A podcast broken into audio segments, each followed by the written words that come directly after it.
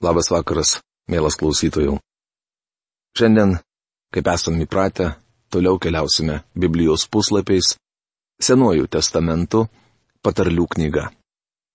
Šiandien pradėsime, bet neužbaigsime 21 skyriaus apžvalgos. Šios skyriaus apžvalgos tesinį galėsime klausytis jau kitoje laidoje. Šiandien prieš pradėdamas žodžio apžvalgą noriu paprašyti kurėjo pagalbos suprasti jo žodžius mums.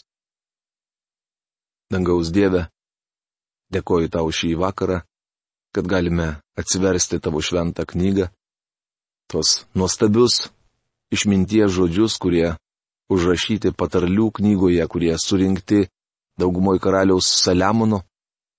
Prašome, kad tu, Dieve, atvertum mums dvasinės akis mes galėtume apsvarstyti tuos žodžius ir padaryti kiekvienas teisingą sprendimą tavo atžvilgiu. Ačiū tau, nes šiandien žinome, kad tavo žodis yra gyvas. Tu rašai, kad jis yra aštresnis nei dviešmenis kalavijas, jisai prasiskverbia iki žmogaus sielos ir dvasios atšakos, iki sanarių ir kaulų smegenų ir teisės žmogaus sumanimus ir mintis. Aš meldžiu, kad tu padėtų mums, Dieve, suvokti tave tokį, koks tu iš tikrųjų esi. Prašau to Jėzaus vardu. Amen. Taigi 21 skyrius. Tai vienas iš nuostabiausių patarlių knygos skyrių. Karaliaus širdis vandens rovė viešpaties rankoje Jis nukreipia ją kur tik nori. Patarlių knygos 21 skyriaus pirma eilutė. Žmogus gali būti Egipto faraonas, Babilono karalius, Romos Cezaris, Aleksandras Didysis, Napoleonas ar koks kitas žymus buvusiųjų ar būsimųjų laikų valdytojas. Jis gali turėti labai didelę politinę valdžią, bet negali būti nepriklausomas nuo Dievo. Daugeliui iš minėtų valdytojų atrodė kitaip. Galbūt daugeliui ir šiandien atrodo, kad jie gali elgtis nesivaržydami Dievo. Tačiau joks žmogus nėra nepriklausomas nuo Dievo. Niekas negali elgtis visiškai laisvai. Amerikoje jau seniai paskelbta nepriklausomybės deklaracija. Dabar ją dažnai remiasi skelbiant mūsų nepriklausomybę nuo Dievo. Mes tikime laisvę, vadinasi, pareiškime, jog esame nepriklausomi nuo Dievo. Tačiau nesame nuo jo nepriklausomi. Negalime elgtis laisvai ir savavališkai. Karaliaus širdis - vandens srovė viešpaties rankoje. Ir jis pakreips ją kaip pakreipia kalno šlaitu čiurlenančio upelio tiekmę. Jis nukreipia ją kur tik nori. Joks karalius, valdytojas ar paprastas žmogus negali būti nepriklausomas nuo Dievo. Norėčiau, kad valstybinės pareigas einantis vyrai ir moterys kalbėtų apie priklausomybę nuo Dievo ir parodytų, kaip tai pasireiškia jų gyvenime. Būtų gerai, kad politikai liautųsi aiškinę mums, jog jie gali išspręsti visas pasaulio problemas. Tai melas. Kiekvienas, kuris tai sako, kalba netiesą. Niekas nėra nepriklausomas nuo visagalio Dievo ir mes turime tai pripažinti. Mūsų tautą reikia raginti grįžti pas Dievą, kol dar nevėlu. Mums reikia kitos deklaracijos. Tokios, kurioje būtų pabrėžiama priklausomybė nuo visagalio Dievo. Tokie pasikeitimai įmanomi tik tuo met, jei mūsų tauto žmonės sugrįž prie Dievo žodžio. Štai kodėl taip svarbu, kad mes skelbtume Dievo žodį. Visi žmogaus keliai jo manimų geri, o viešpats pasveria širdį. Patarlių knygos 21 skyriaus antra eilutė. Čia vėl kalbama apie nuosavą žmogaus teisumą. Žmogus samprotauja, o Dievas kruopščiai ištiria. Jis žvelgia į širdį. Mes pabaltiname paviršių, kad gerai atrodytume iš išorės. Girėmės. Aš bažnyčios narys. Mokau sekmadienio mokykloje ir priklausau komitetui. Nuolat plušu bažnyčios labui. Tai gali būti tiesa. Tačiau Dievas pasveria širdį. Pranašas Jeremijas pabrėžė, jog širdis už viską vilingesnė ir nepataisomai pasiligojusi. Kas gali ją perprasti? Rašoma Jeremijo knygos 17 skyriaus 19 eilutėje. Ar jau buvote atėjęs pas viešpati Jėzų išpažinti savo beviltiškos būklės? Jis didysis gydytojas ir širdies lygų specialistas. Jis duoda naują širdį. Viešpats Jėzus pirmasis ėmėsi širdies persodinimo operacijų. Jis suteiks jums širdį galinčią paklusti jam. Vykdomas teisumas ir teisingumas viešpačiui labiau patinka negu auka. Patarlių knygos 21 skyriaus 3 eilutė. Šioje patarlėje vėl kartojama svarbi tiesa, kad nėra jokios prasmės tuščiai dalyvauti religiniuose ritualuose. Atminkite, kad Senojo testamento laikų aukos nurodė į Jėzų Kristų. Niekas šių religinių ritualų nesilaikė uoliau už fariziejus, religinius Jėzaus dienų vadovus. Tačiau mūsų viešpats juos nepaprastai griežtai smerkė ir kritikavo. Jėzus demaskavo religinius vadovus. Jis sakė, jog iš išorės jie atrodė lyg pabaltinti kapai, tačiau viduje buvo pilni numirėlių kaulų. Kodėl? Todėl, kad be teisumo aukos ir atnašos nebuvo malonios viešpačiui. Jis sakė, jog nori gailestingumo, o ne aukos. Matydami religinius ritualus atliekantį žmogų, aplink esantieji greičiausiai manys, kad jis tiki Kristumi. Tačiau tiesa gali būti visai kitokia. Tikras Jėzaus Kristaus aukos prieimimas taip pakeičia žmogų, kad jis ima daryti gerus darbus. Sakau jums, tai prasiskverbia iki žmogaus kaulų smegenų ir sielos atšakos. Dievas žvelgia į širdį.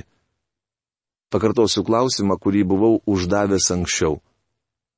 Jei būtumėte suimtas už tai, kad esate krikščionis, ar užtektų įrodymų jūs nuteisti?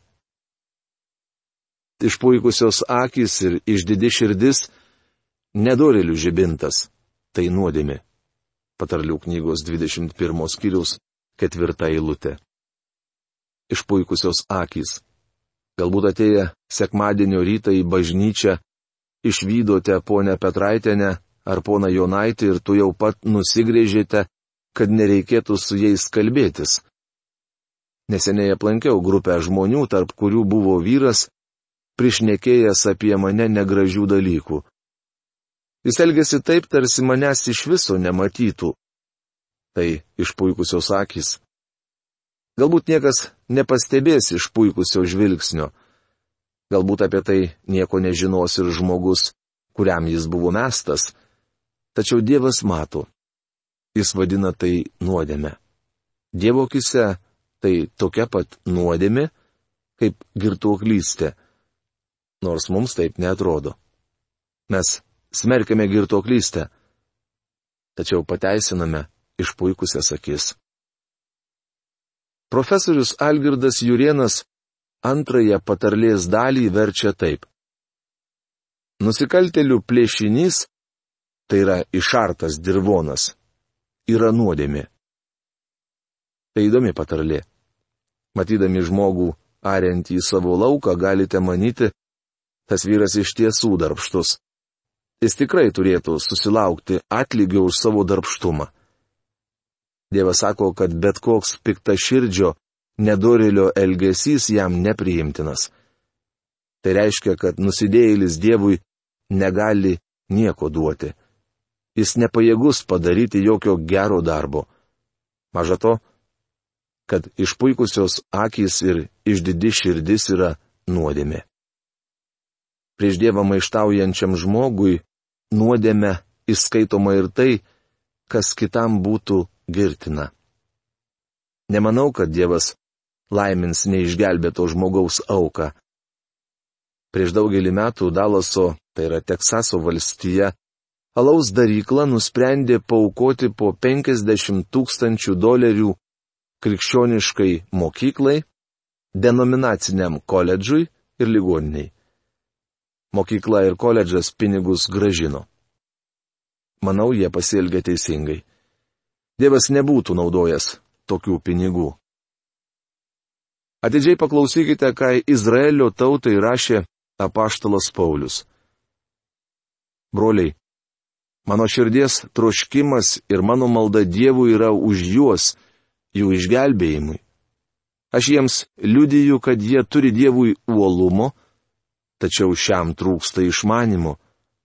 Nesuprasdami Dievo teisumo jie bandė nusistatyti savo ir todėl nepakluso Dievo teisumui rašoma romiečiams laiško dešimtos kiriaus pirmoje, trečioje eilutėse. Žmonių susikurtą nuosavą teisumą Dievas vadina nuodėme. Dievo akise žmogaus teisumas yra suteršti skarmalai. Darbščiojo užmojai tikrai rodo perteklių, bet kas per daug skuba, tas turi nuostolio turtai įgyti apgaulingų liežuvių, tai praeinantis rūkas ir mirties pastai.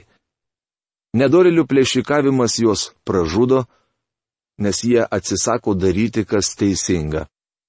Patarlių knygos 21 skyriaus 5-7 eilutės. Dievas gali naudoti sažiningai sukauptus turtus. Turtingumas nėra nuodėmė. Svarbiausia kokiu būdu kaupiami pinigai.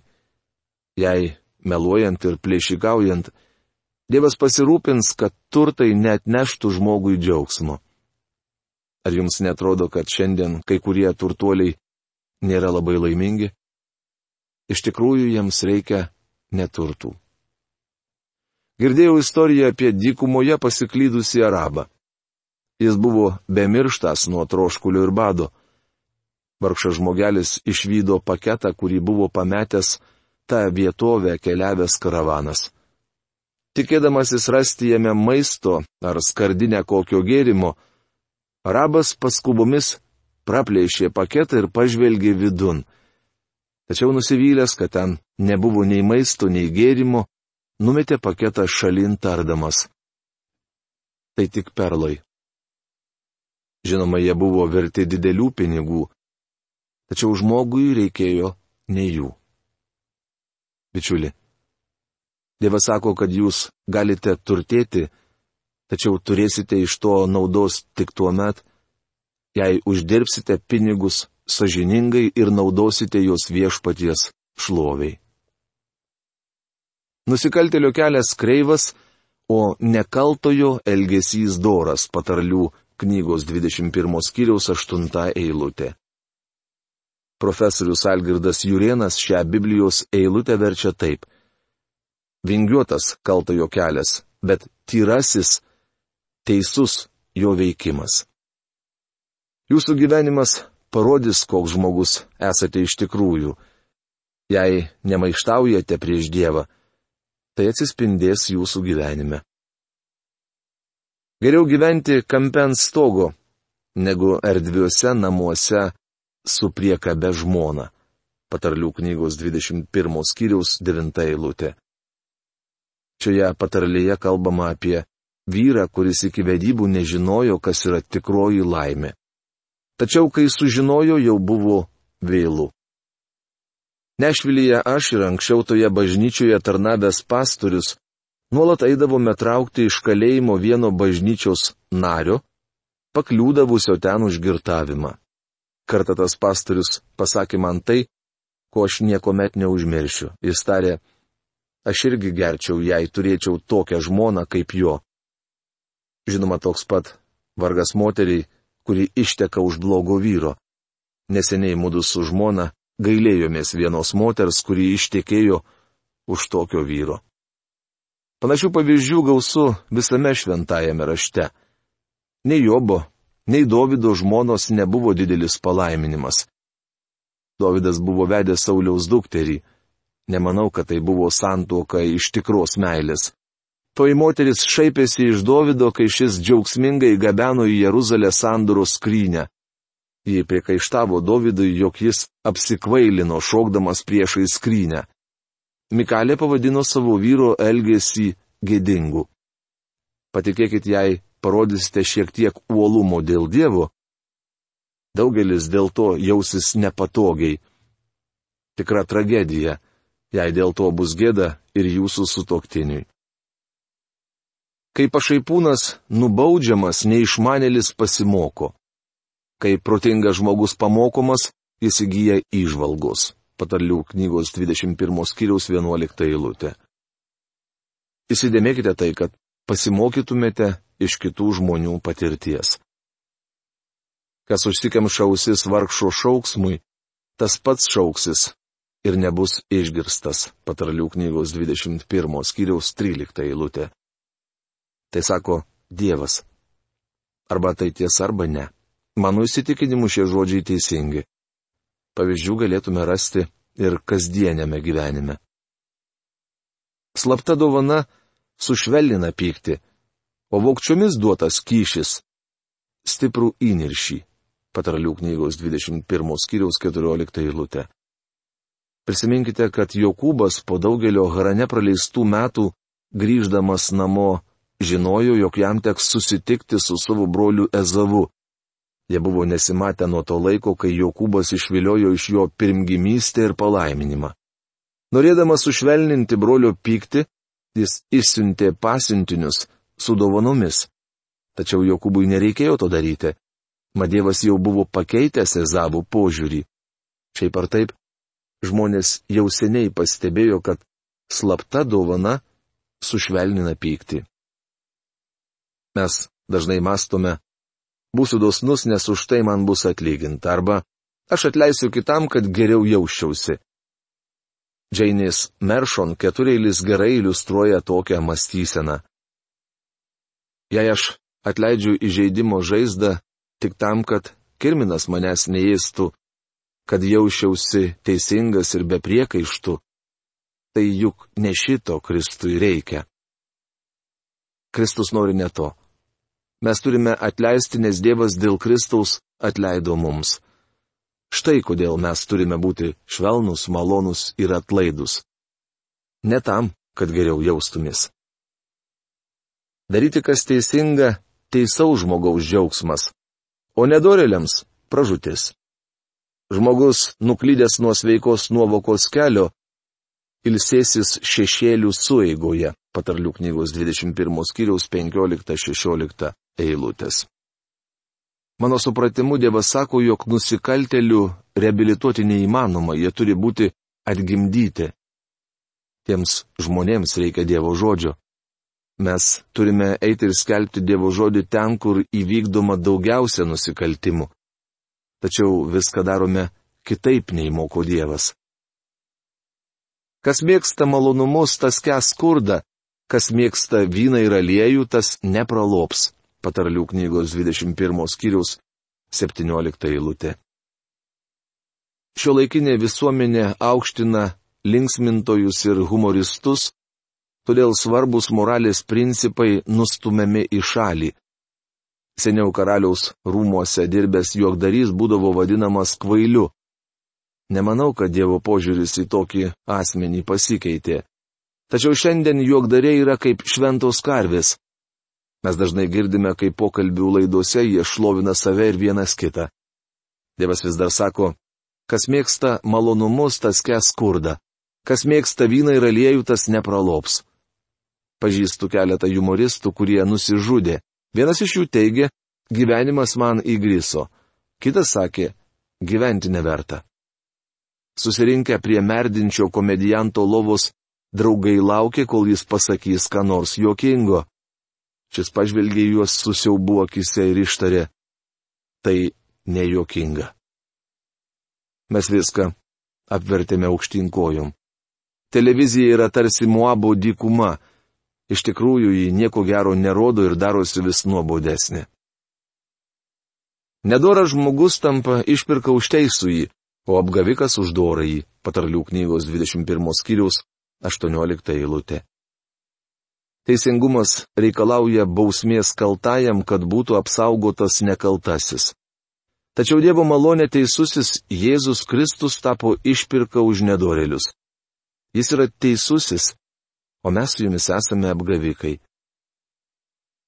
Vienas išmintingas žmogus užpuola galiūnų miestą ir sugriauna tvirtovę, kurią jie pasitikė. Patarlių knygos 21 skyriaus 22 eilutė. Patarlių autorius sako, kad išmintis galingesnė už nuožmę jėgą. Kas nors gali pasistatyti įspūdingą tvirtovę, tačiau gudrų žmogus vis vieną ras būdą į ją prasmukti. Klasikinis pavyzdys senovės Babilonas. Belčacaras sėdėjo aukštą sieną apjuostame mieste ir mane esas visiškai saugus. Tiesą sakant, jo rūmus juosi dar viena vidinė siena. Ant abiejų sienų būdėjo daugybė sargybinių. Jis buvo įsitikinęs, jog niekas neprasiskverbs pro Babilono sieną. Tačiau priešo stovyklos vadas pasitelkęs į pagalbą savo išmintį, rado būdą, kaip patekti į miestą. Per miestą tekėjo Eufrato upės atšaka. Tai buvo kažkas panašaus į kanalą. Jis nukreipė vandens tiekmę atgal į pagrindinę upės vagą ir pro sienos apačią upės vaga įžygiavo su savo kariuomenė į miestą. Medupersų kariuomenė įsiveržė į miestą ir užėmė į babiloniečiams net nespėjus suvokti, kas darosi. Napoleonas sakė, kad Dievas visuomet yra didžiųjų batalionų pusėje. Jis klydo, nes antrai būtų laimėjęs Vaterlo mūšį. Napoleonas buvo talentingas karvedys, bet nepakankamai sumanus. Jis galėjo skubiai permesti artileriją, tačiau įklimpo purve. Į Varšuvą žygiuojantį Napoleoną sustabdė generolas Pelkė. Šioje patarlėje sakoma, kad žmonės gali pasikliauti turtais ir nuožmė jėga, tačiau tai jų neapsaugos. Kas sučiaupia burną ir prikanda liežuvi, tas apsaugo save nuo daugelio bėdų patarlių knygos 21 skyriaus 23 eilutė. Čia vėl prabylama apie tinkamą liežuvio naudojimą. Patarlių autorius jau sakė, kad norintys turėti draugų patys turi būti draugiški. Žinoma, šiek tiek kalbėti reikia, tačiau privalote daryti tai atsargiai. Mums reikalingi draugai ir patarlių knygoje apie juos prabylama gana dažnai. Emersonas rašo, Kas turi tūkstančius draugų, neras kam pasiskūsti, o tas, kas turi vieną priešą, sutiks jį kur bebūtų. Labai teisingi žodžiai. Išdidus įžulus žmogus vadinamas pašaipūnu, elgesi su akiplėšiška puikybė. Patarlių knygos 21 skyriaus 24 eilutė. Ar atkreipėte dėmesį, kad nuolat kartojamos dvi temos Viena liežuvio naudojimas ir piktnaudžiavimas juo, kita puikybė išdidumas. Dievas sako, jog nekenčia nevaldomo, melagingo, paskalas skleidžiančio liežuvio ir išdidaus žvilgsnio. Yra apie ką pamastyti, ar netiesa? Mielas klausytojų, tam mes turėsime laiko iki kitos mūsų laidos. O šiandien savo laidą baigiame. Iki malonaus sustikimo. Sudė.